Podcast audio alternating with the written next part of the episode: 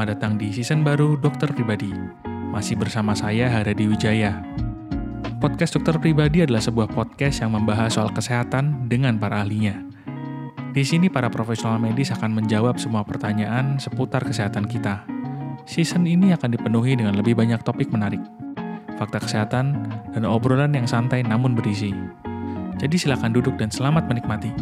Karena setiap minggunya kami akan datang buat topik baru di mana Anda bisa belajar untuk hidup lebih sehat.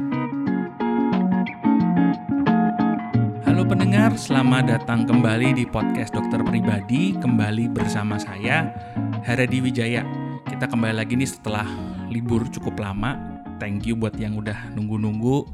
Thank you buat udah kembali mendengarkan kembali podcast kita. Nah, di season yang baru ini, kita bakal ngobrol kembali seperti season sebelumnya kita ngobrol-ngobrol soal penyakit, ngobrol-ngobrol soal kesehatan dengan pakar-pakarnya nih. Nah, ternyata di kondisi pandemi, kita masih di tengah pandemi ini, diabetes mellitus ini menjadi salah satu komorbid atau uh, penyakit penyerta yang paling banyak ditemui di orang yang positif atau terkena terinfeksi COVID-19.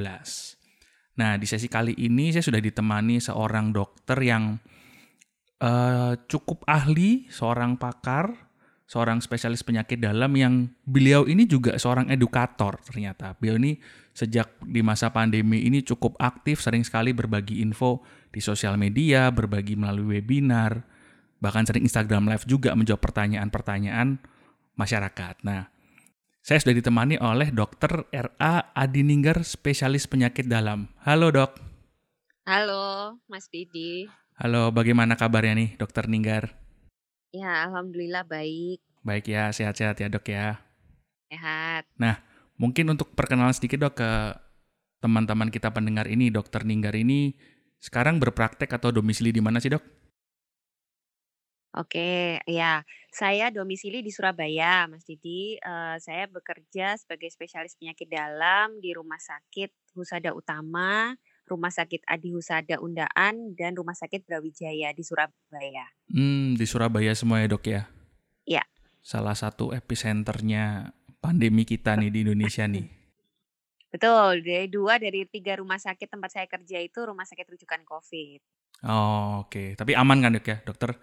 Alhamdulillah sehat terus nih uh, ya. Saya, saya sempat mas, sempat menjadi penderita COVID sekitar oh. bulan Juni akhir.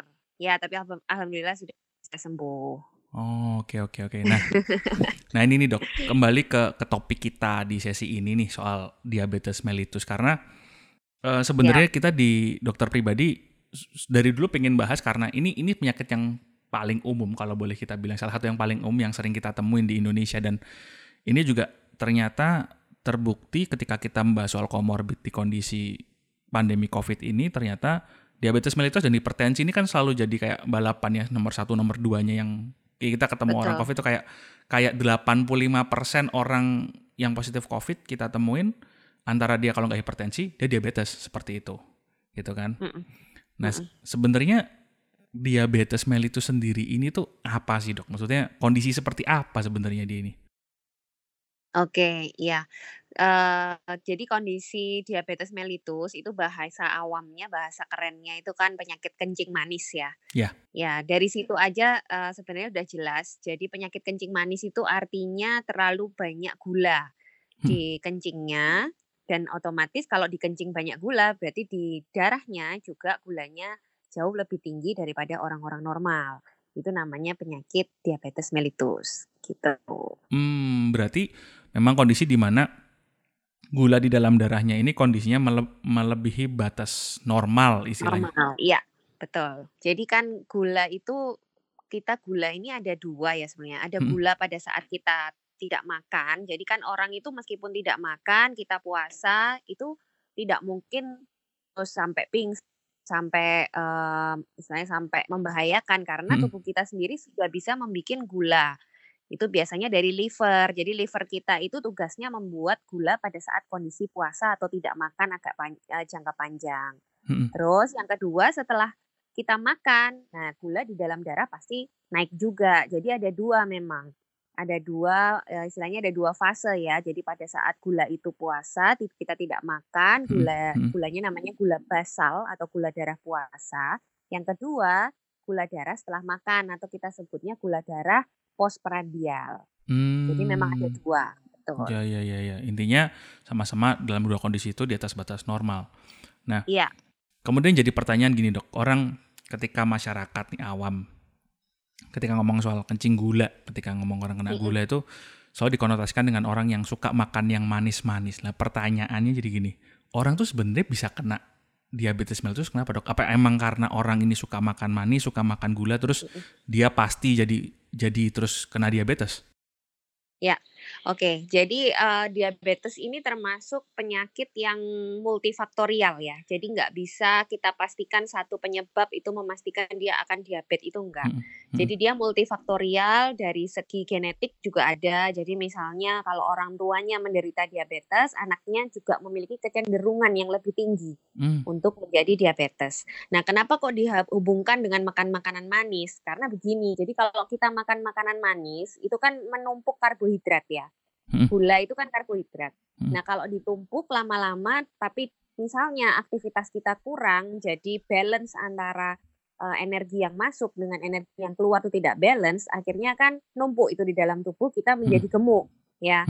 Kita jadi gemuk. Nah, nanti dari gemuk itu lama-lama akan terjadi perubahan di dalam tubuh kita dari segi metabolisme, dari segi hormon. Nah, Eh, sel-sel lemak yang banyak itu memang dipercaya bisa mengganggu kerja insulin dari dalam tubuh kita. Jadi kalau normalnya itu kalau orang makan, orang meskipun makan manis ya, semanis hmm. apa pun, hmm. kalau fungsi insulin kita itu normal, ya kita tidak akan menjadi diabetes. Tapi kalau fungsi insulin kita terganggu, insulin kita itu adalah hormon yang uh, menyebabkan gula itu langsung masuk ke dalam sel pada saat kita makan. Jadi dia nggak lama di dalam darah. Jadi kan hmm. memang tujuannya gula itu masuk, kita makan gula itu tujuannya untuk memberikan energi. Jadi gula itu sebagai bahan, hmm, hmm. bahan untuk membentuk energi sel-sel tubuh kita. Nah, pada orang-orang yang insulinnya terganggu, itu gulanya nggak bisa masuk ke dalam sel. Akhirnya banyak ditemukan di dalam darah. Nah, kondisi insulin yang terganggu ini yang nantinya bisa menyebabkan diabetes. Nah, salah satunya pencetusnya adalah kondisi gemuk itu tadi. Oh. Kalau gemuk itu insulinnya menjadi tidak berfungsi seoptimal orang yang normal. Nah, itu mungkin dihubungkannya ke sana, tapi sebenarnya tidak berhubungan langsung ya. Jadi tidak mm-hmm. semua orang yang makan makanan manis akan menjadi diabetes. Misalnya dia tetap menjaga kesehatan dengan olahraga, dia tidak gemuk, misalnya kolesterolnya tidak tinggi. Nah, itu tidak tidak masalah, dia tidak akan menjadi diabetes kecuali dia punya faktor genetik yang kuat. Jadi memang banyak faktor. Hmm, Gitu. Iya iya iya. Ya. mm Jadi sebenarnya intinya kita mengatur uh, kalori yang masuk dan keluar aja. Jadi jangan sampai kita menjadi obesitas, jangan sampai kita menjadi overweight. Nah, itu kalau sudah ada overweight, nah itu insulin bisa terganggu suatu saat. Oh, gitu. berarti intinya sebenarnya salah satu faktor utamanya kalau kita ngomong di luar keturunan ya, Dok ya. Berarti uh, ya. over over kalori berarti istilahnya terlalu banyak asupan dibanding yang kita butuhkan itu salah satu dan akhirnya bikin gemukan itu jadi jadi jadi salah satu faktor sebenarnya. Kalau ngomong iya. kalau ngomong keturunan tuh sebenarnya uh, tinggi nggak dok faktornya? Karena kan biasanya nih yang hmm. yang yang masyarakat kita pahami, yang saya juga pahami hmm. karena uh, nenek saya diabetes, uh, ayah saya juga diabetes kebetulan. Kemudian jadi hmm. saya oh saya ada resiko nih orang selalu hati-hati loh hati-hati apa namanya ya. nenekmu orang tuamu juga udah itu keturunan sebenarnya faktor keturunan ini sebesar apa dok kalau gitu berarti cukup besar ya mas jadi hmm. uh, kalau dari penelitian-penelitian yang uh, semakin banyak itu menunjukkan terutama nih ya yang paling tinggi itu turunan langsung dari ibu jadi misalnya nenek itu hmm. nah itu yang resiko lebih tinggi itu adalah anaknya kalau perempuan oh, oke okay. Oke. Ya, tapi kalau anak lakinya dia punya resiko. Tapi kalau seandainya pola hidupnya baik, terus dia tidak obesitas, tidak ada kegemukan, mungkin tidak setinggi resiko pada anak perempuan. Hmm. Itu yang sudah hmm, terbukti. Hmm, hmm, hmm, Jadi dari ibu ke anak perempuannya, itu hmm. resikonya sangat tinggi. Oh, ya. I see, I see. Tapi kalau ya ke tapi kalau resiko di tiap generasi tetap ada. Jadi meski makanya kan ayahnya kena ya mungkin huh? ayahnya ada pola hidup yang kurang baik. Jadi hmm. memang sudah ada bakat. Bakat itu pasti ada, tapi tidak sebesar pada wanita. Oh, oke okay, oke. Okay. Jadi memang ya. cukup berperan. Jadi intinya kalau memang secara keturunan tidak tidak tidak ada, memang resikonya tidak sebesar orang yang secara garis keturunan ada ada yang pernah kena diabetes seperti gitu dok ya. Betul, iya. Dan itu katanya sih uh, kalau dari penelitian itu langsung ya. Jadi hmm. dari nenek, ibu itu langsung. Jadi nggak lewat, nggak loncat generasi. Jadi di tiap generasi itu pasti akan ada yang beresiko tinggi. Hmm. Jadi cukup berbahaya sih hmm. sebenarnya ya. Hmm. Nah, jadi memang benar kalau masnya misalnya ayahnya kena nih udah kena neneknya udah berarti masnya harus eh, Mas Didi harus benar-benar hati-hati berarti sudah pegang satu faktor resiko genetik ini. Tinggal nanti gimana pola hidupnya, gimana pola makannya. Nah itu yang harus dimodifikasi karena itu yang bisa dimodifikasi. Kalau genetik kan kita nggak bisa yeah. modifikasi. Iya iya iya. Ya. Uh, uh, betul. Nah sebenarnya pertanyaan jadi gini dok, um, kalau boleh saya katakan ngelihat angkanya ini diabetes kan cukup tinggi sebenarnya penderitanya di Indonesia ya. Mm -mm. Uh, ya. Yang mungkin orang-orang jadi masih pertanyaan ini sebenarnya ketika diabetes ini kondisi diabetes ini dibiarkan istilahnya. Sebenarnya faktor-faktor atau resiko-resiko apa yang mungkin terjadi sama orang dok? Karena kan orang paling sekarang ngertinya oh kalau orang diabetes lukanya suka susah kering atau istilahnya ya. gampang sakit dan sebagainya. Sebenarnya apa yang terjadi ketika orang itu menderita diabetes dan resikonya dia gitu loh dok?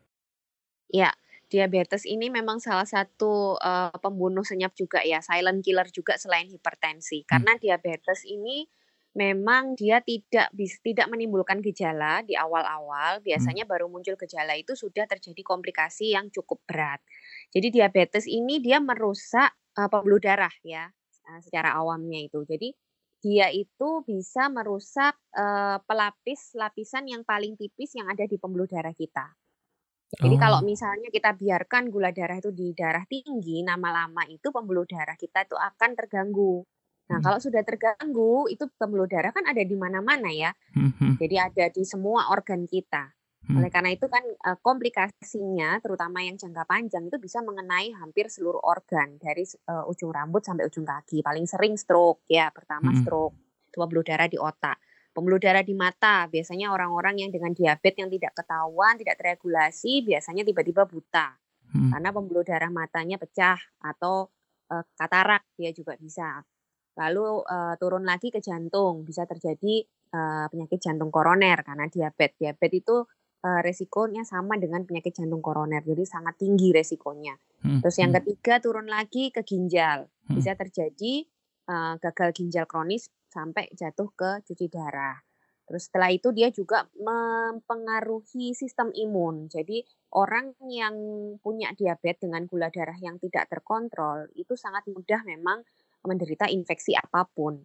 Karena uh, gula darah tinggi ini sangat disukai oleh kuman, bahasa awamnya begitu. Hmm. Dan dia juga menghambat kerja dari sel-sel imun kita. Oh. Jadi kalau gulanya tinggi, kalau ada kuman, meskipun kuman itu biasanya mungkin ya makanya kenapa kok orang diabetes kalau misalnya luka kan lama tuh sembuhnya. Yeah, yeah. Ya karena biasanya kalau kita luka ada kuman sedikit langsung ya mati gitu kumannya. Tapi kalau pada orang diabetes kuman yang biasa pun bisa jadi ganas. Karena nggak dibunuh-bunuh, sel tubuhnya, sel tubuh kita, tentara kitanya itu lemah semua. Nah, kayak gitu. Jadi efeknya sangat banyak. Dan uh, parahnya lagi, diabetes ini biasanya pada saat ketahuan, itu kan orangnya sudah ada komplikasi, pasti baru dia berobat ya. Karena yeah. kalau tanpa gejala dia tidak akan berobat. Hmm. Nah, itu diperkirakan pada saat orang pertama kali ke dokter dengan komplikasi, itu sebenarnya penyakit diabetesnya itu sudah berjalan minimal lima tahun sebelumnya. Oh, Oke. Okay. Ya, okay. jadi cukup, cukup kadang-kadang kita nah, lama. Jadi kadang-kadang kita mau mereverse atau mengembalikan dia ke normal lagi itu agak sulit. Itu masih yang lima tahun. Kadang kan kalau yang benar-benar sudah tidak tidak terregulasi orang-orang yang low educated itu kadang datang juga dengan kondisi yang sudah benar-benar tidak karu-karuan itu ya mungkin sudah 10 tahun oh. berjalan.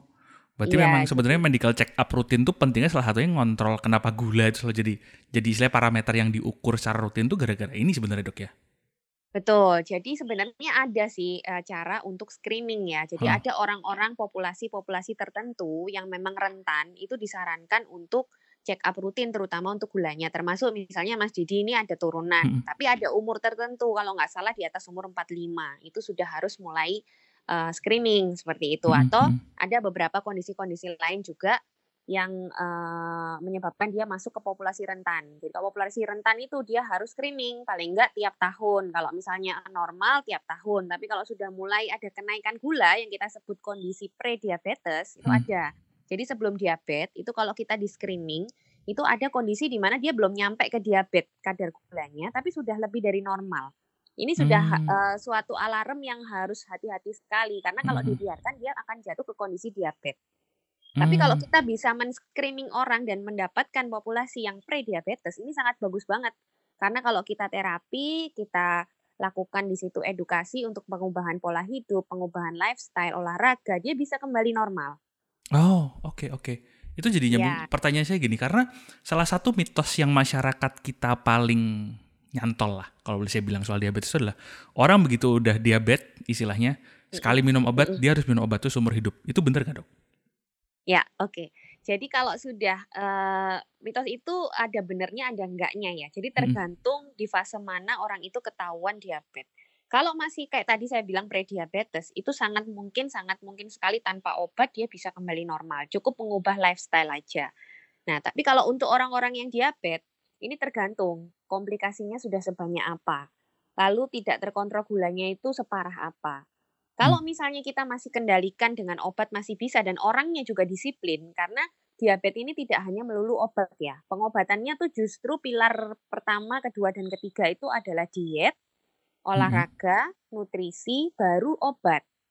Kadang orang itu salah mikirnya cukup obat aja tapi dia makannya tetap ngawur, dia tidak mau olahraga ya. Hmm. Akhirnya tidak terkendali gulanya. Hmm. Tapi kalau orang-orang yang disiplin yang menjalankan uh, terapi nutrisi dengan baik, dietnya juga baik, disiplin, dia mau membatasi makan, dia mau sebenarnya tidak membatasi ya, tapi ada rumus-rumus tertentu lah untuk orang diabetes itu cara makannya gimana dan kadang ada orang yang disiplin ada yang enggak kalau yang disiplin, pengalaman saya, pasien saya yang disiplin, terus dia juga obatnya juga disiplin, kontrol dokternya juga teratur, banyak sekali yang bisa akhirnya pelan-pelan uh, obat itu berkurang, berkurang, berkurang, akhirnya lepas obat. Ada.